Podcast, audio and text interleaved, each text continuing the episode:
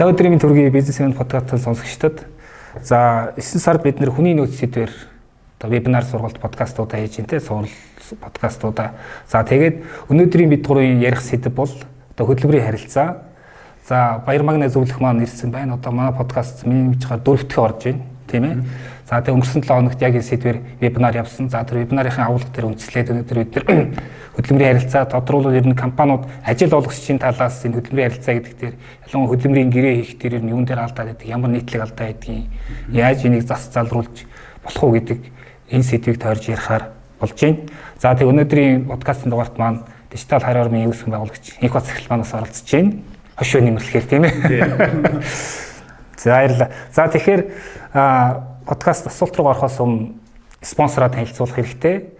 За өнөөдрийн манай подкастын одоо ивент тэтгэгч хамтран ажиллагч бол Цэник Алтан гануурын бэлтгэл оюуны алжайл тайлдгийн бэлтгэл байна. За тэгээд ерөөхдөө мэдээллийг нь хэлэхэд одоо одоо бидний шиг одоо оюуны ажил хийдэг хүмүүст хамгийн их тустай. За сүүлийн үед нэг ингэж яриад байгаа шүү дээ. Одоо хүн цагаа биш энерги удирдах хэрэгтэй гэх тээ. Одоо бие махбод сэтгэл санаа одоо юу гэдгийг те тэр талаа удирдах хэрэгтэй. Тийм одоо ажил хийдэг хүмүүс тохирсон юм инновацийн бүтээгдэхүүн. За тэгээд гурлаа подкаст эхлэхээс өмнө нэг цэнийг авчи тийм ээ. Монс компани дээ. Монсын Монс хүнсийнх нээсэн бүтээгдэхүүн. Баярлалаа. Монсынхандаа баярлалаа. Манайх ч бас Монстай аягүй тийм холбоотой. Тийм. За тэгэхээр баяр мөнгө зөвлөх маань одоо HR клубын тэргүүн захирал гэж явж байгаа те. Ерөнхийдөө ингээд хөдөлмөрийн харилцааны яг асуудал дунд халуун амьдрал дунд нь ажилтдаг хүний хувьд те. Тэгэхээр эхлэний асуулт ингэж асуумаар л да одоо хөдөлмөрийн хууль маань шинжлэгдээд ингээд хэм хэмжээ нэлийн өөр болж олж ирсэн. Тэгээд зарим зөвлөхөө судлаачд ярьж байгаа энэ хууль маань одоо ажил олагч талдаа нэлээд хатуу болсон гэж яриад байгаа. Энэ хэрэг үндэстэй тийм яриа бай. Тийм бол ер нь яагаад те эндээс та их ярихгүй. За би бол өөрөө мэрэгжлийн яг ийм судлаач хуульч мэрэгчлээ биш практик дээрхтээ ажиллаж байна. Тэр харж байгаа ер нь хөдөлмөр харилцаанд дийлэнхтэй хоёр субъект оролцоод нэг талд нь ажилтан гэсэн статустай субъект нөгөөх талд нь ажил олгогч гэдэг. Ажилтан талаас харахаар яаж нөхөр ажил олгогч талдаа гарсан юм шиг харагдана. Гэтэл ажил олгогч талдаа харах юм бол хитрхи ажилтан талдаа одоо эрхийг хөгжсөн юм шиг даваа байдлыг олгоцсон. Тэгэхээр ерөөсөө тэрийг харж байгаа хүнийх нь өөрхөн хандлага тэр зүйлтэй илүү холбоотойгоор би тайлбарлана гэж хараад байгаа. Гэхдээ энэ хоёр субъектыг ингээд яг ингээд практик дээр аваад үзэх юм бол дийлэнхтэй, дийлэнхтэй шүү. Ажил болгоч чүд чүд даваа хэрэгтэй байдаг. Ер нь хөдөлмөр харилцаа. Тийм учраас амьдрал дээр амьдрал дээр аахгүй юу? Тэ. Тэгэхээр тийм учраас хуулийнхаа үднээс чинь нөгөө чүд жаахан даваа эрхийг ажилтнад өгсөн байхыг загвар үгүйсэхгүй. Гэхдээ энэ байдаг л харилцсан гэж харж байгаа. Тэгэхээр бол яг тэр талдаа энэ талдаа гэж хэлэх бол ямар ч боломжгүй. А ерөн зүгээр Монголын ажил олгогчдын нэг юм том маск гэдэг ерөнхий том зургаар нь харуул одоо юу гэдгийг бид нар 30 гаруй жил явж штэ зах зээлийн харилцаа шилжээд ер нь зах зээлийн эдийн засгийн нөхцөл яг тэр хөдөлмөрийн харилцаанд ном журмаар навж явах соёлд ер нь ажил олгогч маань хэрэг бэлтгэгдсэн бэ? Тэр соёлд хэр суралцсан бэ? Энэ дээр зүгээр хийсэн дүгнэлт юм ажиглалт байна. Уу явж л байна л да. Одоо нөгөө хөдөлмөрийн зах зээл хэтэрхий одоо нөгөө хүн олдохгүй байхын хэрээр байгаа залуучууд нь гараад ахын хэрээр ажил олгочтой хүмүүжүүлж байна. Ер нь хөдөлмөрийн хуулийн хуулийн хүрээнд ажиллана гэдэг чинь наазахын ёс зүй байхгүй наазахын соёл байхгүй. Тэрээс энийг хөдөлмөрөөр хэрэгжүүлдэг гэдэг нэг чийлэлтэй байх шаардлага байхгүй. Энд чинь байх ёстой юм хэмжээ байхгүй. Тэр тийм одоо хим хэмжээг цахиагүй байгууллагууд тэртээ тэргүй яаж нөхөр өнөөгийн энэ одоо зүйлээс бол хөдөлмөрийн зах зээлээс бол тэртээ тэргүй одоо нөхцөлтөн гарна ажилчнууд нь хөдлөн ч юм уу тий. Тэгэхээр бол одоо суралцж байна. Одоо энэ одоо ковидын дараах бол байгууллагуудын бизнесийн өөрх нь модуль нэлээд хөгжлөгдөж байна. Эргээд ажиллах хүчний хамстлуудад орж ирж байна. Тэгэхээр хүссэн хүсээгийн үнэр бол сургана гэж харж байгаа. Тэгээд ингээд 90 онд одоо чинь ардчлал ихэд хувийн одоо чинь аж ахуйн нэгжүүд гарч ирсэн гэхэр чинь дараачийнхаа одоо үе рүү орж ирж байна. Одоо шинэ тэр үед нэг 30 тай ч юм уу да залуучууд бизнес эхлүүлсэн гэхэрт нэг 60 тайдаа ч юм уу да тий 60 гараад явцсан. Тэгэхээр бол дараагийн залхамж халааны залуучууд орж ирж. Тэгэхээр тэр залуучууд ч өөрөөр хэлбэл мэрэгжилтэй боловсралтай харьцангуй юм одоо яг нэг шинжилгээ ухааны төвшөнд ийм одоо ойлголт тавтан залуучууд гарч ирж. Тэгэхээр тэр хүмүүс ороод ирэхийн хэрээр яаж нөхөр илүү тэр ёс зүй хуулиад дагсан илүү шинжилгээ ухаанч байдал руугаа орж ирэх магадлал харагдаад байгаа юм боловч харж байгаа. Тэр бол дараагийн үед тэр рүү гарч ирж байна. Тэгэхээр бол тэр голдролоор л явна. Их хурц захирлын хувьд одоо бас 90 оны ихээс одоо бизнест орж ирсэн тий. Нэлээд хэдэн компани байгуулад өдий хурж явсан одоо тэр үед бас нэг одоо мэдрэмж ойлголт байсан. Одоо үед бас нэг та нүр хийсэн ажилт нь яг энэ асуудал дээр. Яг энэ подкаст орохоос өмнө Баяр Мангай зөвлөхийн вебинарыг бүтэн үзлээ л дээ. Тэгээ надад юу их таалагдсан гэвэл хууль бол хөдөлмөрийн хууль бол их том. Ер нь баг бүх юм хамарсан. Аа нэг цагт тэрийг багтаах нь хэцүү. Тэгвэл бол тэрийг нөгөө юу гэдэг вэ нэг шумууны өндөр бүргэлдийн өндөрөөс илүү. Нэг цагийн дотор ингээ хараад авч байгаа юм. Тэгэхэд бол нэг хоёр юм надад их тодорхой одоо таалагдсан юу гэхээр нэгдүгээр цагийн дотор яг тодорхой ямиг бариад асуухгүй ч гэсэн хүмүүс ер нь хаана ямар асуудлууд байдığım байна хэнээс асууж болох юм байна ямар зүйлүүд хуулинд байна гэх нэг ерөнхий газрын зураг харчиж байгаа байхгүй юу А тэгээд энээс цаашаагаа бол энэ вебинарыг үзсний дараа бол мэдээж гүнзгийрүүлээд өөрийнхөө асуудалтай холбоод явна л та. Яг нэг 30 жилийн хугацаанд бол яг сая хэлж байгаа нь бол үнэлтэ фаундеруудын үед дуусч байгаа. Өөрөөр хэлбэл гахаа үрээд энэ компаниудыг байгуулсан. Ер нь Монгол байгуулагдсан компаниудын 80% нь бол одоо эхний үеийн ингээд дуусаад би өөрөө бас сургалт хийдэг учраас гадаргалж байна л да. Одоо тэг үнэхээр яг бизнесээр сурсан хүүхдүүд нь ирж байгаа. Тэд нар бол илүү одоо юу гэдэг шинжлэх ухаан талаас нь, хууль талаас нь юм байх ёстойгоос нь хийж байгаа шүү дээ. Түүнээс бидний үе бол бор зүрхээрээ тэр үед нь хуулийн гэж юу байлаа гэдэг шиг те. Одоо бүхэл юм задгаа байсан шүү дээ. Тэгэхээр яг энэ үед бол бас давхар хуулийн шинжлэгдээд маш олон асуудлыг шинээр тавиад энэтэй нэлээд сайн судлаад үзэх хэрэгтэй байна гэсэн ойлголт. Яг гэвэл энэ бол одоо компанийн хувьд бол яг фундамент буюу дид үтцсэн шүү дээ. Тийм учраас тэрийг нэлээд сайн тавих хэрэгтэй байна. А тэрний бол хуулийн гарсан юм байна. За сургалтууд нь явж байгаа юм байна. Мэддэг хүмүүс нь энтэнд төрж байгаа юм байна. Мэргэжлийн байгууллагууд гарч байгаа юм байна. Яг энэ үед оронтаа цааваад явуул үнэхэр зөв. А энийг хэрвээ ингээ орчуул бас л энэ том харилцааг алдчихвал жишээл компани муу яваад байвал яагаад муу яваад байгаа ойлгохгүй тэрний хамгийн том шалтгааны нэг нь бас яг нэг хүмүүсийн ажиллагчдын хоорондын ажилтнуудын байгууллагын хоорондын харилцаа байдаг шүү дээ. Тийм учраас надад бол бас л цаг нь бол таах давхсаж гэн л гэж харж байна.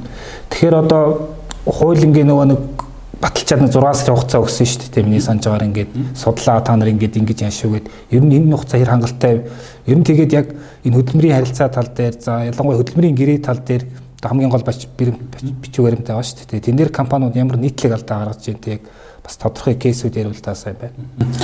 Хууль 21 оны 1 сарын 1-ээс хэрэгжиж эхэлсэн. Жил одоо 2 жил болчихлоо. Тэгээ бид нар консалтинг гэдэг болохоор байгууллага дээр очиж уулзахаар төслүүд дээр ажиллаад үзэхээр хуучин хуулиараа байна. Шинжлэгдэх байгаа байхгүй юу? Томоохон юм аж ахуй нэгжүүд яг HR-ын ч юм уу хуулийн нэгжтэй яг энэ хариуцсан албан тушаалтангуудтай газар бол хийчихэд.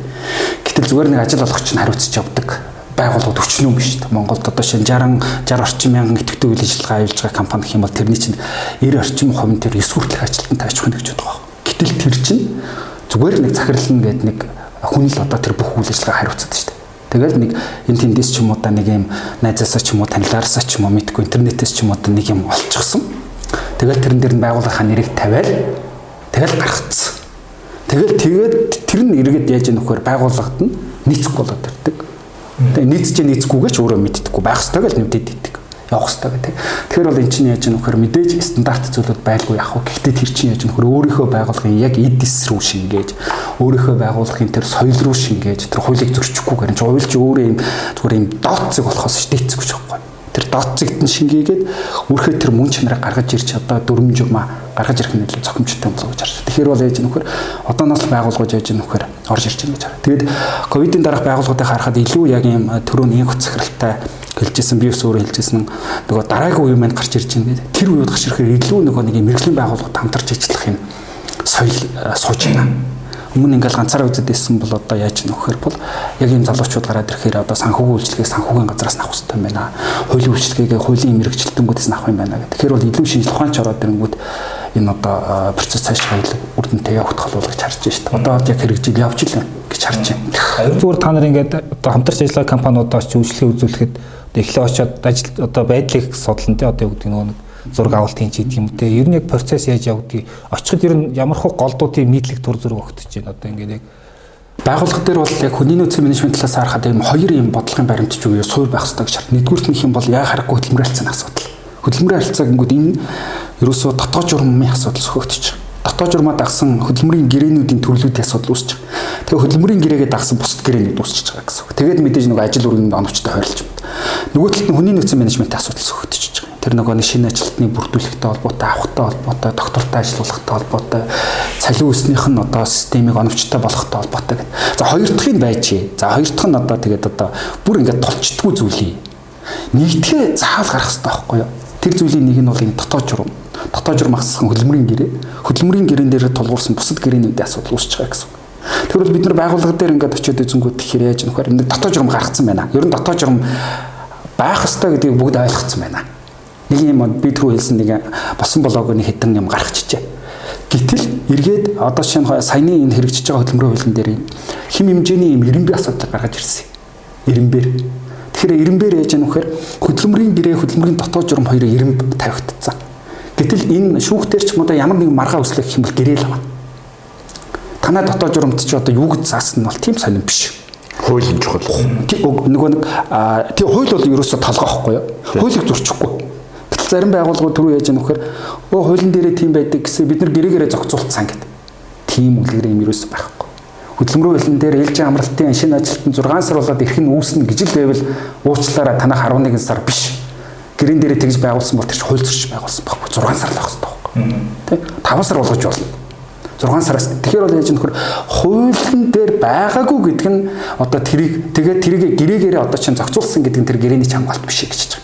Тэнгүүд ингээд ирэмбий асуудал сүхд үзэнгүүд байгууллага дээр нь хоёр эрх зүйн баримтчиг асуудал үүсчих. Нэгдүгürt нь хөдөлмөрийн гэрээ нөгөөх нь дотоод журам гэдэг. За шүүхтэр маргаа өслөө. Ямар нэгэн мэдгүй. За шүүхтэр ч яах вэ? Зүгээр нэг юм жижиг маргаа өслөө. Тэгэхэд яаж яах вэ? хамгийн түрүүнд авч үзэх зүйл хөдөлмөрийн гэрээ аахгүй. Яг тэр дотоод журам буюу дотоод тэр одоо хэм хэмжээ зохицуулсан акт чинь дийлэнхтэй ажил болгох чинь шийдвэр байдаг. Манай ажлын цагийн салиу сэнг нь ийм чөлөө болгоно. Гэтэл хөдөлмөрийн гэрээ бол яг тухайн хүн өөрөө зурдаг байхгүй юу? хамгийн гол асуудал. Гэхдээ зурхгүй байх боломжтой хүн байсан шүү дээ. Та зурхгүй байх байсан. Гэтэл зурчихсан. Тэ тэгэхээр бол яаж яах вэ? Ерөөсөө тэр эргэцэн хөдөлмөрийн алцны суур нь өөр хөдөлмөрийн гэрээ. Ерөөсөө тэгэхээр бол ерөөсөө байгууллагууд хөдөлмөрийн гэрээгээл маш сайн одоо гаргах нь чухал байдаг. За маш сайн гаргана гэж. Тэгвэл тэнд одоо юу гэдгийг нэг 4 5 яг тийм заавал тусах хэрэгтэй гэж яг тодруулаад детачлаад ярил тээ. Хөдөлмөрийн гэрээ нь хуулийнхаа дагуу яаж нэг хоёр хэсгээс бүрдэнэ гэдэг хуулийн даз. Нэг нь бусад нөхцөл, нэг нь гол нөхцөл гол нөхцөл гэдэг чинь тухайн хөдөлмөрийн гэрээ хүчтэй байх ойлголтын асуудлаас зохицож байгаа. Өөрөлдвөл тухайн гол нөхцөлийг тохиролцоогүй бол тухайн хөдөлмөрийн гэрээ хүчингүй гэж тооцох магадaltaй. Тэгэхээр тэр нь дөрөв хуулиар заасан. Хуулиар заасан. Ерөөсөө энэ дөрөв нөхцөлийг заавал оруулж танах. Тэгэнгүүт нь тэрэнд нь ямар дөрөв нөхцөл байна гэхээр ажлын байрны нэрс ойлголт орж ирж байгаа. Ажлын байрны нэр. Тэгээ ингээ байгууллагуудыг хараад байхад ингээд ажлын байрны нэрээ өгтөө хүртэл одоо бас хүн хохирох гээд байна Гэтэл эн чинь яаж нэг Монгол улсад чинийг бол зохицуулсан эрх зүйн актууд байна шүү дээ. Одоо чинь хөдөлмөрийн яамны сайдны 2004 оны 77 дугаар тушаал гэж тэтгэвэр хөнгөлөлттэй нөхцлөөр тогтоох ажил мэргэжлийн чагсаалтад гарсан. Нь танай тэр ажил мэргэжил чинь байна уу тэрэндээ төхүүлж ядахтаа одоо албан тушаалах нэрийг өгмөр байхгүй. Хоёрдугаар нь хэмээл үндэсний ажил мэргэжлийн ангилал гэдэг одоо 2010 онд хамгийн сүүлд батлагдсан хөдөлмөрийн яамнаас Монгол улсад бүртгэгдэж байгаа одоо байгаа бүх ажил мэргэжлүүдийг чинь ингээд гаргаад ирчихсэн. Тэр энэ хоёр бичиг баримт та уншиж үзээд та ажлын байрны нэрийг цогоон баруун шиг багтах. Тэгвэл ингээд бодож бодож байгаа нэг 2 жилийн өмнө дээ. Агуулах хариуцсан дид жирэх хэлэгч ажил даав ингээд тавьчихсан. Тэ? Тэгээд зарыг нь би ингээд сонирхоод ингээд нэг чиг үргээр нь орсон чинь зүгээр нэг агуулгын нэг ажилтан мэрэгчлэлтний статус харагдаж байгаа. Тэр ажим нөхөр нөгөө нэг юм нөгөө менежмент талаас нь ашиглаад байна л да байгууллагууд Монгол хүмүүс ч өөр амар тийм нөгөө нэр хүндэд дуртай гэдгийг харангуйтаа одоо хөдөлтөгч болтохгүй болон гудалдааны зөвлөхөнгүүд орж байгаа тайг айлах байна Тэгэхээр чи альбом тушаал гэдэг чинь өөрөө цаанаа зүйн одоо ийм нөхцлүүдийг шаардаад байдаг шүү гэдэг хармаар. Тэгэхээр бол хөдөлмөрийн гэрээний эхний гол нөхцөл нь бол альбом тушаалын нэр тэгээд альбом тушаалын тодорхойлт гэж орж ирж. Тэгэхээр альбом тушаалын тодорхойлт гэдэг заавал оруулна. Тэгвэл ингээл альбом тушаалын тодорхойлтыг хавсралтаар батална гэж тавьсан. Үзэхээр бид нар ингээл аа үзье гэхээр баггүй. Өө хийндэ гэд хавсралтаар оруулна да гэд ботцсон байгаа юм гэдэг. Тэр чинь байхгүй тухайн хөдөлмөрийн эрх хүчингүйч тооцох гэж байгаа. Тэгэхээр ажлын байрны нэр альбом тушаалын тодорхойлт. Хоёр дахь нь цалиус орж өгнө. Өмнөх 90 он батлагдсан хуулийн дээр зөвхөн үндсэн цалин бичдэг байсан. Одоо ши үндсэн цалин гагнуур чинь сая 500-аар сая 500 гэж бичдэг.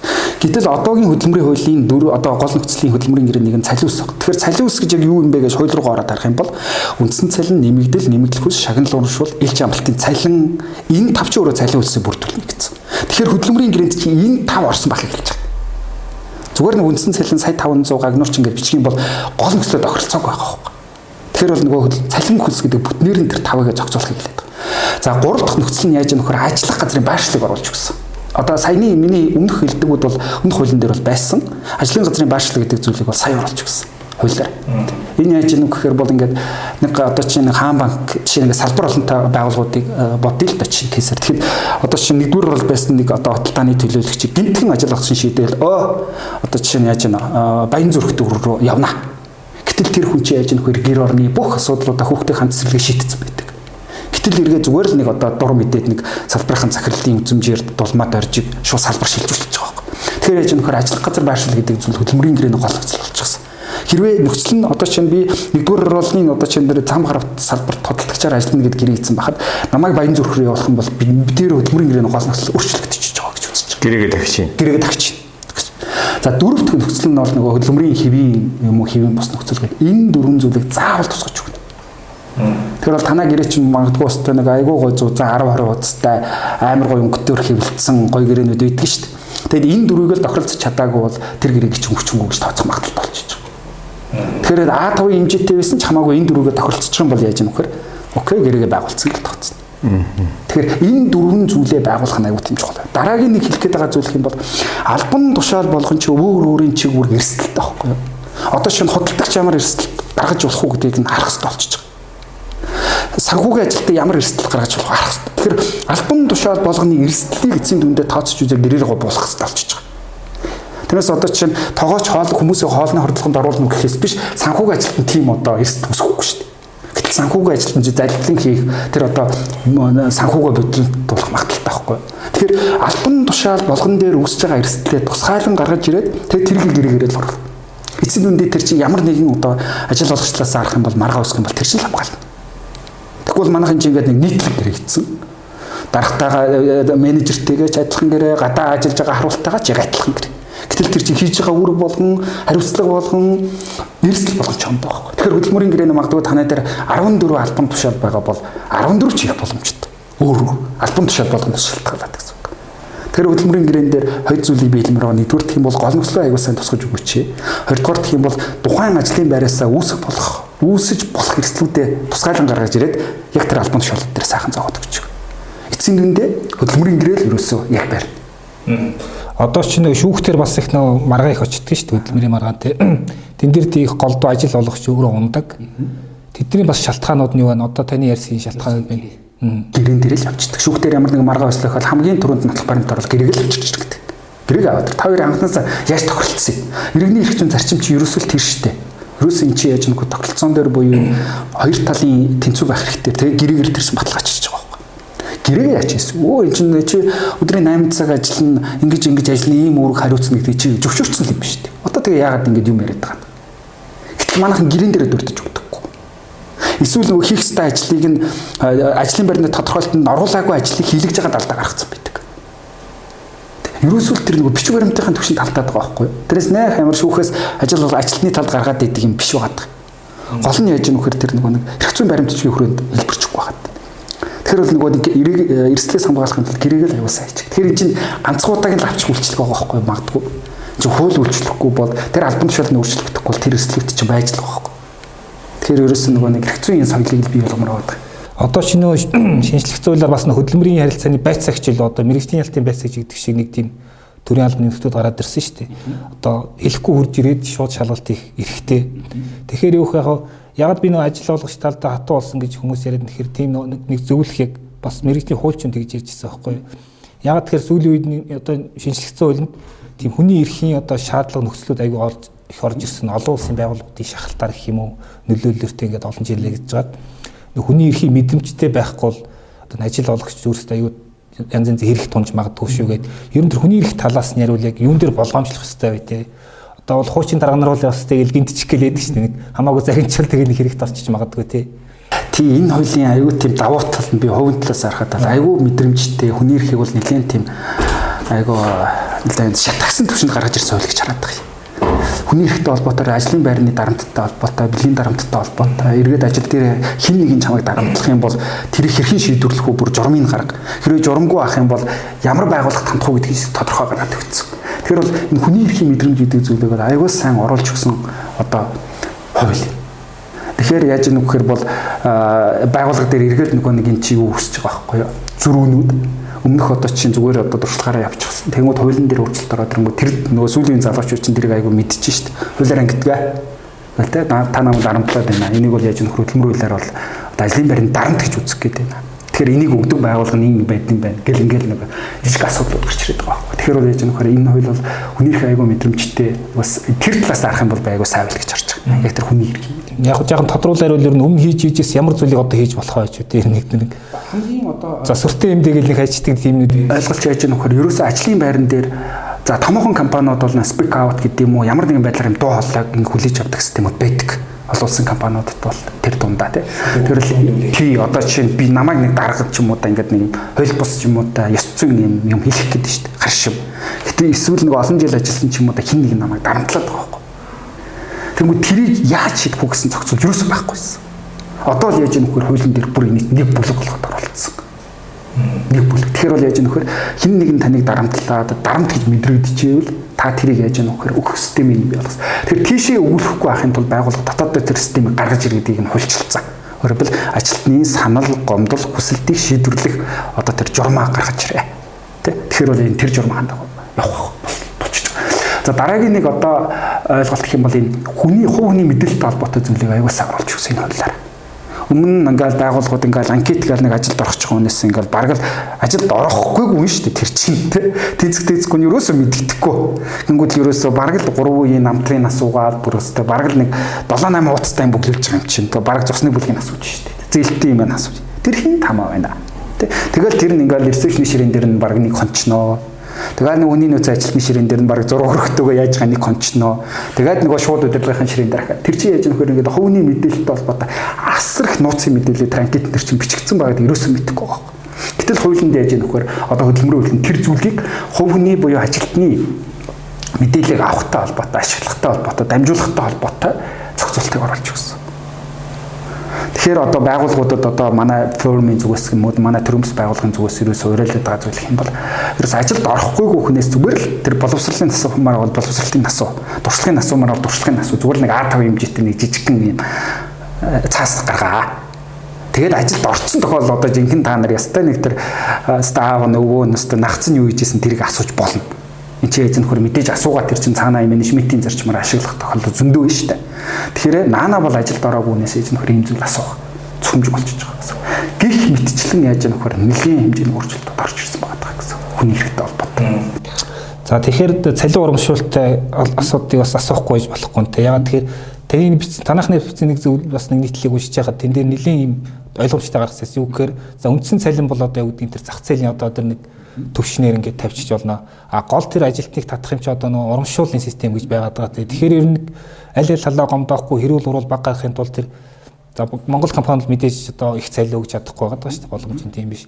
Гэхдээ гэдгийг тэр ажлыг тогтоохын тулд тэр ямар маневр хийх боломжууд байна. Ер нь яг ямар гол зарчмуудыг цалин урамшууллыг тооцохдоо бодолцох хэрэгтэй гэдэг дээр та тийм бэлэн жороог өгч. Байгууллагуудын цалингийн бажет төсөв аягүй сан гаргаж ирмээр байгаа. Тэгвэл цалингийн төсвөө магадгүй ингээд 3 төгрөг гэж тавьчихдаг жишгээр шүү дээ. Тэгэл ингээд зуны зугаалга өстой шинэ жил мэлгээд амар данхаас нь төсөв цаана яваад байгаа байхгүй. Гэтэл тэр ингээ 2 төгрөг мөн 1 төгрөг байхгүй. Гэхдээ тэрийг болилтоо. Бид нар компани зүйл тэрийг болчих л доо. Тэгээ тэрийг яаж яхад амралтын өдөр зохион байгуулна. Тэр амар дургу. Бид нар нэг сая 4 сард нэг консалтинг фирм судалгаа хийсэн. Өөрөөр бол байгууллага зохион байгуулагддаг ямар үйл ажиллагаа таагүй байсан бэ гингүүд нийт 2700 орчим хамрагдсан. Гэтэл 60% нь юу өс ажлын бус цагаар амралтын өдөр зохион байгуулж байгаа бүх үйл ажиллагаа таалагддаг гэж хэлж байгаа байхгүй. Бүгд шүү дээ. Тэгэхээр гой байгаль давьдсан тэрсэн таалагдахгүй шүү дээ. Гэтэл тэрийг яаж юм хөр тэрэнд айгүй их олон дамаа олон ажилтнтай байгууллагууд бол зөндөө зардал гаргачихж байгаа. Тэр тэр зардлаа цалингийнхаа бааж руу оруулаач гэдэг. Цалингийнхаа төсвөр ороод. Тэгэхээр бол цалин үсний системгээ тарах юм бол түрүү хэдүүлээ одоо цалингийн системгээ тарах юм бол нөгөө хөтөлмөрийн гэрэн дээр чинь бичигдэж байгаа нөгөө таван зүйл дээр л тоглолт хийлээд байгаа. Үндсэн цалин яахын, нэмэгдэл яахын, нэмэгдэлгүйсэнд шагнал урамшуу ээлж амралтын цалин. Тэгэхээр бол яаж юм хөрөө за үндсэн цалин одоо тэгээд одоо манайх нөх түүт буюу нөгөө нэг хүн авахтай холбоотой үйлчлэгээд үйлчлэгэн дээр бас манай нэг амар чухал үйлчлэгээ биш л те. Зарим тохиол бид нар хамтарч ажиллах гэдэг хэдин байгууллагуудтай. Илүү чадварлаг одоо мэрэгчлэлтэнгүүдтэй агсан байгууллагаас бээр одоо болох те. Тэнгүүд тэгээд цалингаа тохиролцсон гэсэн байгууллагуудын бид нар юуг нь хавтаггүй ер нь цаалгыг. Соёл тогтоох хамгийн энгийн шалгуур Гэхдээ цалингаа тохиролцсноо гэдэг байгаа. Энд чинь юу гэх юм тохир чамтай цалингийн чинь тохирох юм аа чи тийш нөгөө хүмүүс нөгөө хэрвээ юм чадвартай задаж чинь өгүүл нэг л өдөр тохирдог цалин бол нэг л өдөр буурна. Энд чинь амар тийм тогтоог. Тэгэхээр бол цалин яг бас байх хэрэгтэй. Тэгэхээр л тэр үндсэн цалин гэдэг зүйл ингээд нөгөө нэг хүний одоо саналаар биш нэмэж байгаа. Тэгвэл ингээд бид нар консалтант өгчөөж явангууд хэтэрхий өндөр цалингаа тогтооцсон залуучууд байна. Байгууллагууд. Энийг одоо бууруулах, яаж бууруулах вэ гэдэг байгаа байхгүй юу? Бид нар ёс зүй талаасаа чадахгүй, хууль талаасаа, эрх зүй талаасаа хүний цалин бууруулах ямар ч боломж байхгүй. Одоо нэг халж ижил бууруулах. Тий. Одоо жавхлын юмдаа гэдэг шиг одоо таны шийдвэр авахгүй тэр чинь. Тэ анханасаа яах гэж одоо тэр ийм буруу шийдвэр гаргах чи. Тэгэхээр бол нөгөө нэг албан тушаалынхаа үндсэн цалин гэдэг зүйлийг байгууллагууд үнэн бодиттой менежмент талаас гаргаж ирж байгаа. Тэгэхээр бол нөгөө нэг Гэтэл нөгөө хөдөлмөрийн хөлн дээр чинь нэг юм заалт байгаа байхгүй. Ижил албан тушаал дээр ажиллаж байгаа цалин ижил байна гэсэн. Тэр нөгөө тооцоо нэгтлэн дулмаад дорж сүрэн гурвын цалин адилхан байх гэж байгаа. Адилхан байна. Энэ дэр менеж хийх ямар ч боломжгүй. Тэгэхээр ерөөсөө сая 200-аар одоо албан тушаалын үнэлгээ хийгээд сая 200-ыг л тогтоочих юм бол хий орж ирэх нь хамаахгүй сая 200 байхгүй. Энийг ерөөс хөдлөх ямар ч боломжгүй. Хоёрхан зүйлээр өөрчлөн нэгдүгürt нь юм бол мэдээж инфляци эдийн засгийн нөхцөл байдал дээр тулгуурлан масаар нөтгөн. Эсвэл мэдээж өрсөлдөх чинь судалгаа Энэ хоёр зүйл өөрчлөгдсөн үйл өөрчлөгд. Өөрчлөгд. Гэтэ шагналууд нь өөр байж болно шүү. Өөр. Одоо тэгэхээр ээж нөхөр хоошоо явж байгаа зүйл нь өөр байна.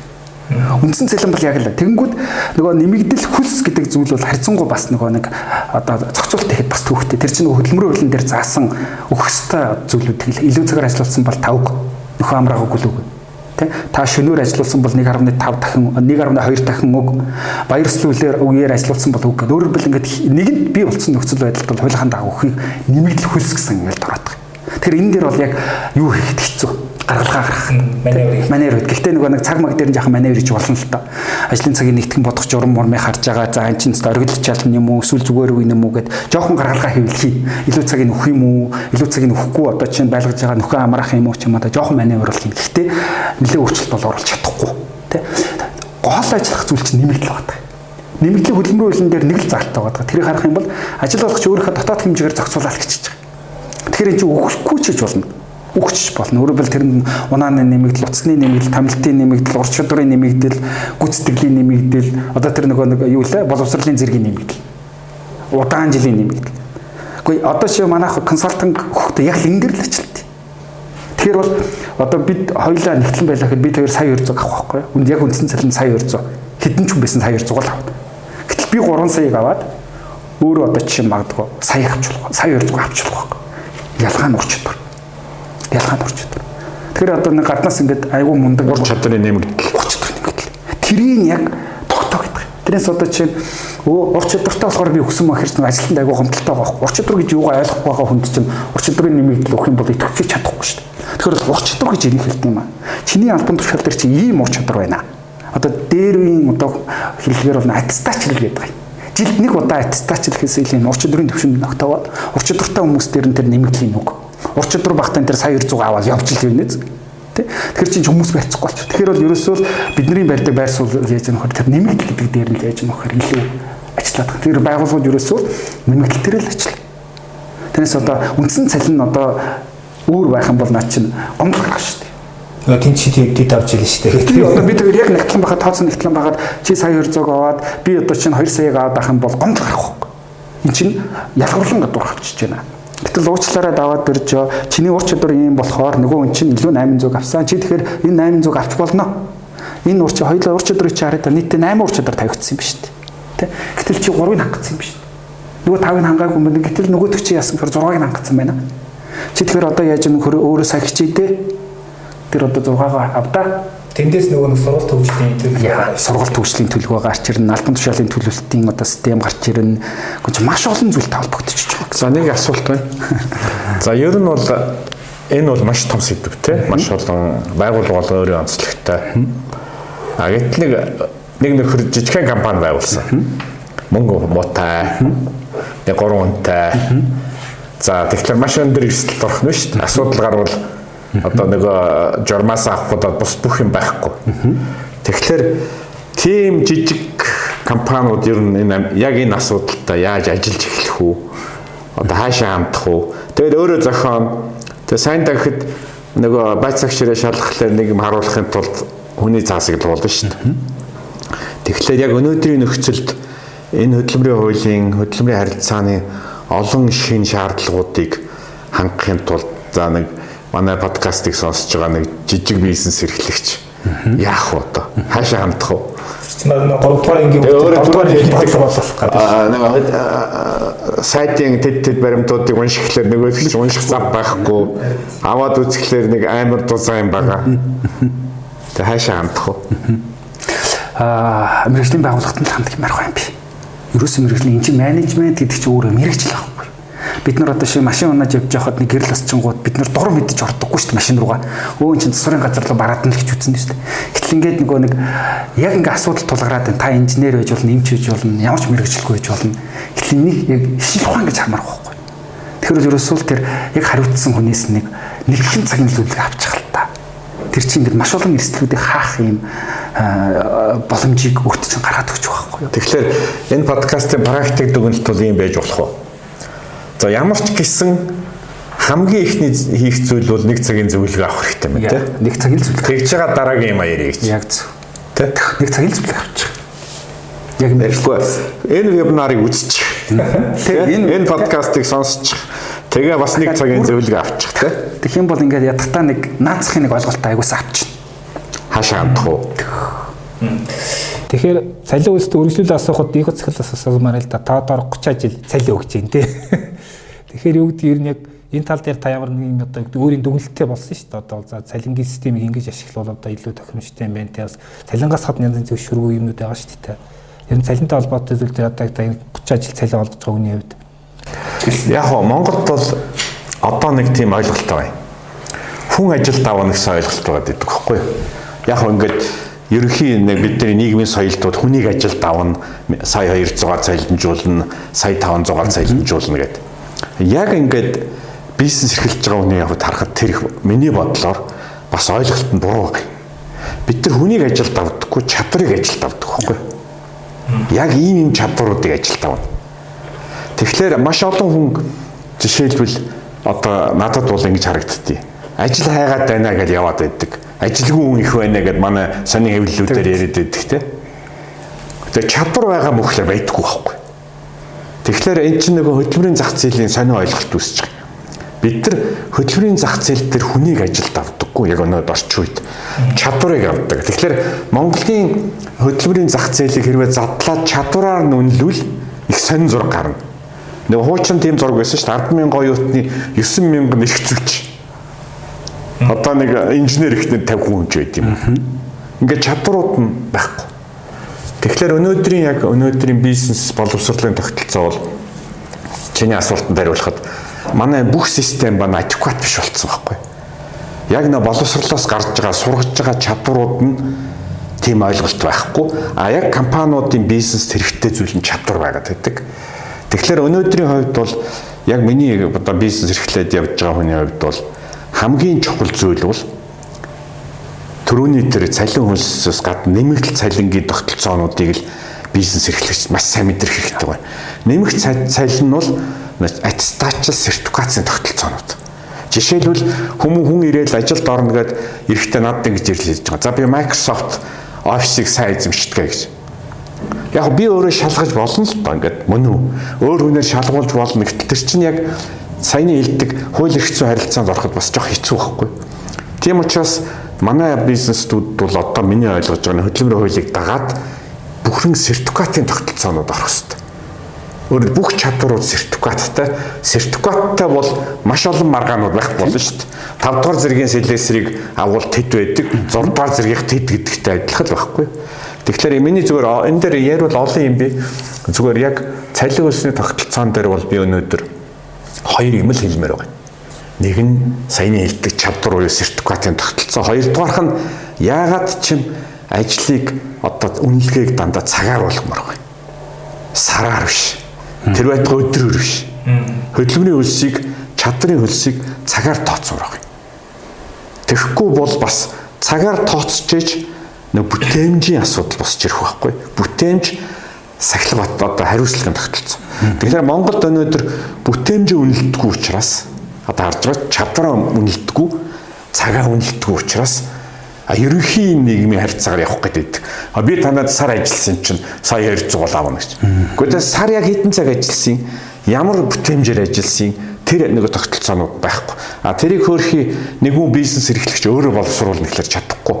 Тэгэхээр нийт эдийн засаг маань нийтийн харилцаа маань саяны чадварын үнэлгээ дээрэс нь одоо цагийн үнэлгээ хоёрыг бас дахиад одоо энэ хууль эрх зүйн харилцаануудад оруулаад энэгээр одоо юу гэдгийг зохих төр стандартууд гард юм уу журмууд гард юм уу ингэж явж иж Монгол улс миний ойлгож байгаагаар бүтээмж үнэлдэг болно. Бүтээмж үнэлсэн цагт манай бүх юм өөр болно. Өөрөөр хэлбэл цаг үнэтэй болсон нийгэмд бүх юм өөр болдог. Би бол тийм л юм хэлмээр байт. За баярлалаа. Гоё ярилцлаа. За тэгэхээр спонсороос дурдах хэрэгтэй подкастын дугаарыг цэник алтан гануурын бэлтгэл манай подкастер хамтарч ажиллаж байгаа шүү. За тэгэхээр дараагийн нэг 2 3 юм бас асуух хэрэгтэй гэж бодож байна. Юу гэхээр одоо ингээд манайд үйлдвэрлэл уул уурхай гэдэг ер нь үйлдвэр талын бас яваад хөгжөөд яваад байна тий. Энтэй холбоотой нөгөө хөдөлмөрийн аюулгүй байдлын менежмент гээд асар том асуудал гарч ирж байгаа. Яг уу гадны хөрөнгө оруулалтын компаниуд бол ийм соёлын одоо нөлөө үзүүлж л да. А гэхдээ энэ дэр аюулгүй том эрсдэл яваад байгаа харагддаг. Энэ маань бүхэл бүтэн том асуудал. А зөвхөн хөдөлмөрийн харилцаа талаас бас одоо яг ийм нэг жижигхэн цех үйлдвэр ч юм уу янз янзын одоо уурхаа мурхаа ажиллаж байгаа хүмүүс яг энэ хөдөлмөрийн харилцаа тал дээр энэ эрсдлийг яаж хаах хэвээр энэ дэр юу харах гэдэг та бас хэлэх хэрэгтэй бах тий. Тэгээ аюулгүй ажиллагаа гэхээр би сайн мэдэхгүй болчих гээд байгаа юм. Тэгэхээр хууль талаасаа зүгээр хараад үзэх юм бол зүгээр л чаддаг хүмүүстэй л хамтраал хийлгэж хэлмээр байна. Одоо хөдөлмөрийн аюулгүй байдлыг чинь ерөөс нь хариуцдаг нэг чаддаг юм байгууллага зөндөө шүү дээ. Гэхдээ тэрнээсээ бас нэг нэг цагийн зөвлөгөө авчиж. Түүнээс нөгөө мессаслыг өөрөө хийгээд хэрэггүй тийм. Яг л ийм мэрэгжлийн хүмүүсээс нь ингээд зохих ийм үйлчлэгийг аваад явчихвал амар байхгүй юу? Тэгэд одоо нөгөө нэг ковидын дараах нөгөө бизнесийн модал нас энэ тэл рүү орж ирж байна. Одоо ингээд өмнө байгууллагууд ингээд бүхэл хүнийг ингээд бүтэн цагаар нь зураал тий. Ингээд нэг эзэмших ийм сэтгэл зүй яг тийм ш. Доржиг ингээд эзэмших юм бол өөр байгууллага руу ерөөсөө ажиллах юм бол уур нүрдэг тийм ингээд эзэмших гэдэг. Гэтэл яаж ийм нөхөр бол хөдөлмөрүүлээрээ ч гэсэн энийг нь харьцангуй юм одоо үндсийг нь эрх зөрчнийг нь бүрдүүлсэн. Тэгээд ийм энэ яг бүтэн цаг ажилтан мөн үү гэдгийг нь айгу тодорхойлох чиглэл рүү одоо орж ирж байна. Яг мөн үү? Одоо бид нар ч гэсэн дээр консалтант хөхтэй ингээл авна л гэдэг хаад хоёр нэгтэл нэмэлгээл ингээл нэгтлэн бодохын дарга ч юм уу да ингээл нэг үзэл واخ. Яг бүтэн цаг ажил мөн үү? Ажлын зураг аваад ийдсэн гэж яаж ийм нөхөр өөр юм гарч ирдэг. Тэгэхээр чи ингээд бүтэн цагийн ажил ажилтан авна гэдэг нэг 8 цагаар нэг хүнийг уушчаад нөгөө чинь ч гэсэн өдрийг аюу тийм хэцүү өнгөрөөд байгаа байхгүй. Сул өнгөрөн. Сул өнгөрөө тэр хүнээс ч гэсэн алж байгаа байхгүй юу. Гэтэл одоо нэг олон улсын хоёр компани дээр юм цагаар нь ажиллах систем орцсон байгаа юм л да. Тэрний яаж нөхөр одоо шинэ секреттэй хүмүүс чинь бүтэн цагаар ажиллаж чадахгүй шүү дээ.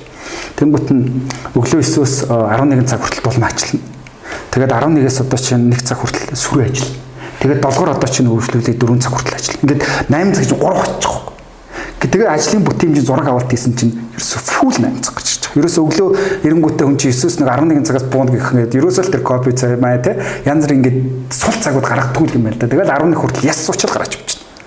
Тий, төвлөрөөл. Тий, тэгэхээр чин түрүүнийг нэг их цэцгэрлэн илтгэр тэр цагийн менежмент гэдэг үею цагаар нь тэр үнэлгээрөө шилжих юм бол харьцангуй байгууллагчдын бүтээмжтэй байна гэж харж байна. Тэгэхээр бол яаж нөхөр байгууллагууд энэ нэг юугаал гаргаж ирээ. Оронтооны асуудал дээрээс нэг зүү гаргаж ирэх хэрэгтэй гэж харж байна. Тэгэхээр одоо шиг манай худалдааны компани бол худалдагч л таны яг гол одоо нөгөө нэг юм ажилтнууд тахгүй юу? Тэр хуйлж, санхүүж, хүний нөөцөх юм биш. Тэ? Тэгэхээр эднийг яг л ингээл өгчмөр бай яг аутсорсон гэдэг мэрэгжлийн компаниуд нь хувь өмсрүүд. Тэгэх юм бол ингээд толгой өгөхгүй байхгүй ямар. Одоо манайх нэг компанитай бараг 4 жил гараа ажиллаж байна. Манайхтай анх байгууллагад нэг 10 гаруй хүнтэй нэг одоо барилгын худалдаа эрхэлдэг компани л та. Тэгээд 10 гаруй хүнтэй нээлттэй хийжсэн бол одоо бараг 100 гаруй хүнтэй 4 жилийн дотор ингээд бүр өргөжсөн байгаа байхгүй. Тэгэл бид нарт бол ингээд за энэ жил бол манайх бол дөрвөн салбарт гаргана. За тэгэхээр тичнээ хэмжээний хүмүүс хэрэгтэй юм байна гэдэг л болоо. Тэр хүний хувьд.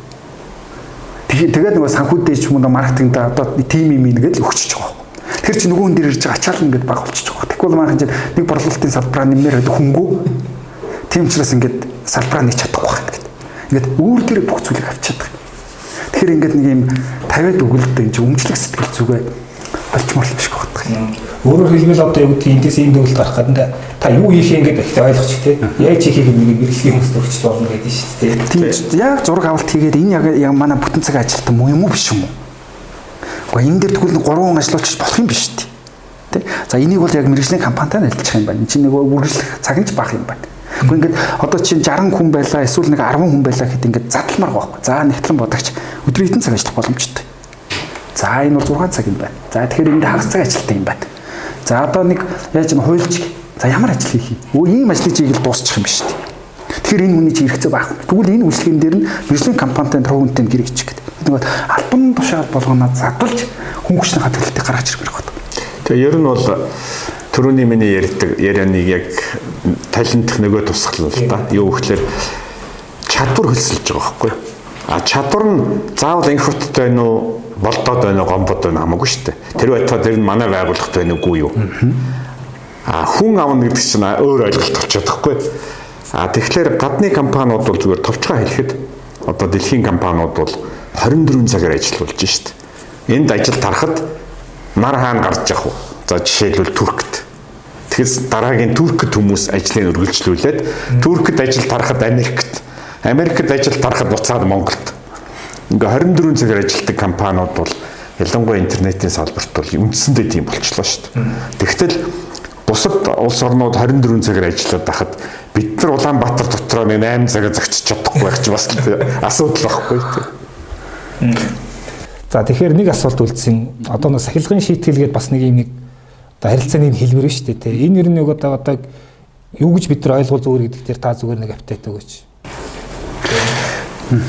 Тэр яг сахилгын шийтгэл гэхээр айгүй тийм сайн ойлголт багтдаг. Тэгэхээр эн чинь нөгөө менежмент талаас л хэрэгжүүлмээр байгаа байхгүй. Миний нэг ажиллаж исэн гадны хөрөнгө оруулалттай компани дээр наадах ч арай өөр менежменттэй явдаг байсан. За ажилтан ямар нэг асуудал гаргалаа. Тэгэхэд одоо дийлэх Монгол компаниудад шууд сахилгын шийтгэл рүү ордог шүү дээ. Гэтэл тэдний дээр яадаг байсан гэхээр ингээд ийм сургалтанд сулгадаг тогтолцоо байсан. Одоо шинэ нэг нөхөр гоцроод байна, арх уучлаа. Тэ харилцааны асуудал сургалтанд суулгад. Аа. Тэгээ сургалтанд суугаад. Тэгээ тэр сургалт нь ямар вөхөр бол шилэн өр байдаг гэсэн. Тэгээд ингээд үүдэн дээр нь одоо шинэ харилцааны сургалт гээд дорж толмоо ерөө суучих нь шүү. Тэгэхээр шинэ гадуур явж байгаа хүмүүс тэрийг харна. Сахилах сууж юм те. Тий, өө харилцааны сургалт гээд харангууд аа манай хоёр ямар нэгэн байдлаар тийм юм болчтой л шүү дээ те. Тэгэхээр ингэж нөгөө нэг юм нэр хүндэт нь хайртай гэсэн менежментийг аюу тийм авч үздэг соёл байсан тэдний дээр. Тэгвэл ингээд за та ингээд муудалцсан юм байна. За 20% наа гингүүд чимээгүй чимээгүй цаашгаа нэг хэлээд ирэхгүй гэдэг ингээд нэг юм ягаад хүмүүж үе бид нар менеж хийж чадахгүй байхгүй. Гэтэл тэр компани дээр бас цалин байлын руу нь юусоо хүрэхгүй. Зүгээр сургалтанд суулгах. Манай нэг танд Америкт машин согтуу бариад Монгол хүн цагтаад баригдаад нэг сарын шийтгэл авсан. Юу гэж 20 удаа архичтад очиж архины хор өвчгийн төлөө лекц унших. Тэгэл явс яваал лекц уншдаг. Гол ажил нь бол архи ягаад хортой тухай. Тэгээд явсаар байгаа 20 лекц уншсан хүн чинь бүр баг гэгэрч орж ирж байгаа. Тэгээ тэр бол яг тэр систем л дээ тийм. Тэгээ тэрнийхтэй бас нэг юм кейс байсан. Тэрний яаж нөхөр нэг тийм бас харилцааны асуудалтай нэг мэрэгчлэлтэн байсан. Ажилдаа бол үнэхээр гаргууд урж чадвар сайтай. Тэгээд юм бусдад харилцах харилцаа аягүй тийм яхаа эвгүй нөхөрсөн. Тэгээ тэрийг одоо хүмүүжүүлэх зэвсэг нахаа сургалтаар л хүмүүжүүлчихсэн. Тэр нь яжин зөвөр сургалт хийсэн. Дөрөвний нөгөө хэлдгээр нөгөө жолоочд гадуур сургалтууд хийдэг шиг тэр нь харилцааны сургалтыг одоо 20 цаг хийх гэж байгаа байхгүй. Өөрөө юугаа бил материалаа бил тэгээ харилцааны талаар 2 цагийн сургалт хий Тэгээд ингээд 20 удаа хийнэ. Гэхдээ тэгэхээр бол нөгөө нэг менежмент гэж хармаар юм шиг байна. Тэрнээс ингээд тэр хүний цалингийн нэг хавгайл нэг ингээд нэг сануулга шийдэх шийдэх гэсэн биш. Ерөөсө тэр хүний чинь авчулдаг гэдэг. Гэтэл ингээд үнэхээр чадварлаг ажилтан байгаа. Үнэхээр мундаг. Тэрийг одоо бий болох гэж зөндөө хөрөнгө оруулалт хийцэн. Гэтэл ингээд ажлын байран дээр арх бол хална гэсэн нэг заалт байна. Гүнийг өдөр өсөн логт ууцсан байгаа. Тэр нөхөр ууцсан нотлогдсон амар хэцүү шүдэр гарах гэдэг байхгүй. Өмнө тэр одоо шийтгэлээр 20 хүн явуулсан. Тэгээд 20 хүн бол ингээл нөхөр байсан биз дээ, тий? Орлуулах боломжтой зах зээлээс. Гэтэл нөгөө нэг 10 жил ингээд ийм хөрөнгө оруулалт хийсэн нөхөр чинь тийм шиг тал гаргаж. Одоо нэг яах вэ гэдэг чинь ахаад менежмент асуулт өгдөж байгаа. Тэрээс тэр хүнийг шууд арх урчлаа. За, явуулнаа. Би өстэй 4 4 барьдаг амар хүн шүү. Харин шийдэх байхгүй юу?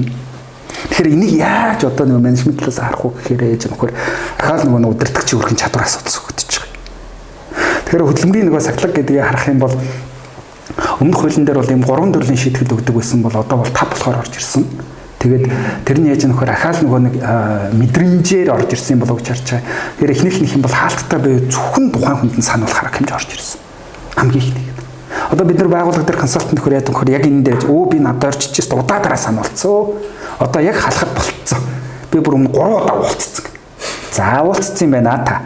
За нөгөө нэг баримтын үзэхээр баримт байхгүй те би ихтэй уулцсан. Наа түн чи мэдчихэж байгаа. Гэхдээ эн чинь зүгээр нэг аавын сургаал, ээжийн сургаал тэнд явсан байгаа байхгүй юу? Тэрнээс тэрийг яг одоо сануулсан гэж үрдэх ямар ч үндэс байхгүй. Тэгэхээр сануулсан гэдэг чинь эргээд гүцэтгэх захирлын тушаалаар гарсан байх юм гэж байгаа. Тэгэхээр бол ямар нэгэн байдлаар ажилт нь эрх зүйн маргаа өслөх юм бол та сануулсан гэдэг ингээд өөрийгөө хамгаалах гэх юм бол тушаал гарсан байх гэж байгаа. За тэгээд тушаал гарахын өмнө одоо саяны энэ хуулийн дээр орсныг зохицуул ажилтнаас заавал тайлбар авна. Одоо шин хоцроод байна. Ажлын байранд муудалцлаа. Мдээгүй ахт нөхгүй тайлбар дуудаж оруулж ирэх нь тайлбар одоо та тань дээр ийм гомдол орж ирсэн энийг тайлбарлах нь өгнө шүү дээ. Тэгээс тайлбар авч ээж цаашгаа процесс явагдана. Тэгээ тэр процесс дээр тулгуурн шийдвэр гаргах нь шүү дээ. Тэгэхээр бол яаж юм хэрэг хамгийн их нийлэн хальтаа сануулах гэдэг арга зам буюу зөвхөн өөрт нь хэлэх хэлж байгаа гэсэн үг. За дараагийн шийтгэл нээлттэй буюу одоо энэ аягүй практик яаж явах гэдэг нь аягүй ойлгомжийг байдаг.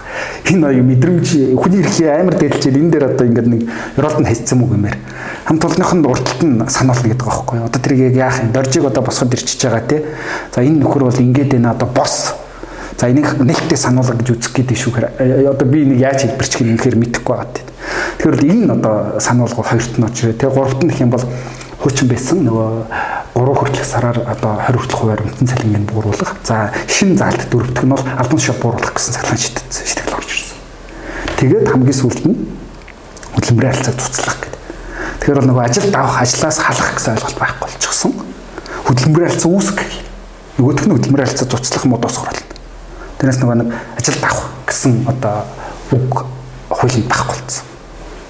Тэгэхээр бол засгийн шийдэглүүдээр иймэрхүү зүйлээ тэгээд гэрэгээрээ л бүх харилцаагаа би зохицуулж өгөөрэй л гэж засгийн шийдэгэл оногдохч байл гэрээг л харна. Гэрэн дээр нь яг юу гэдэг үсэн. Үүрэг талтай яасан, зөрчил талтай юу гэсэн. За баярлалаа. За тэгэхээр энэ сэдвийг яриад байвал тэгээд шөн хон хон жимчгээс өөр аргагүй болно тий. За тэгээд подкастын дугаарыг төрөд хэдэл өндөрлөе. За манай зочноор HR клубын тэргүүн захирал Баяр магнаа зөвлөх орслаа зам их хот захиралтай баярлалаа.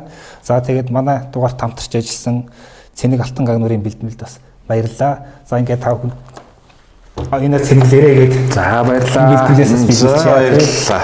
Тэгээ монс хүмүүсийн маань таах бэлдэж байгаа шүү. За баярлалаа.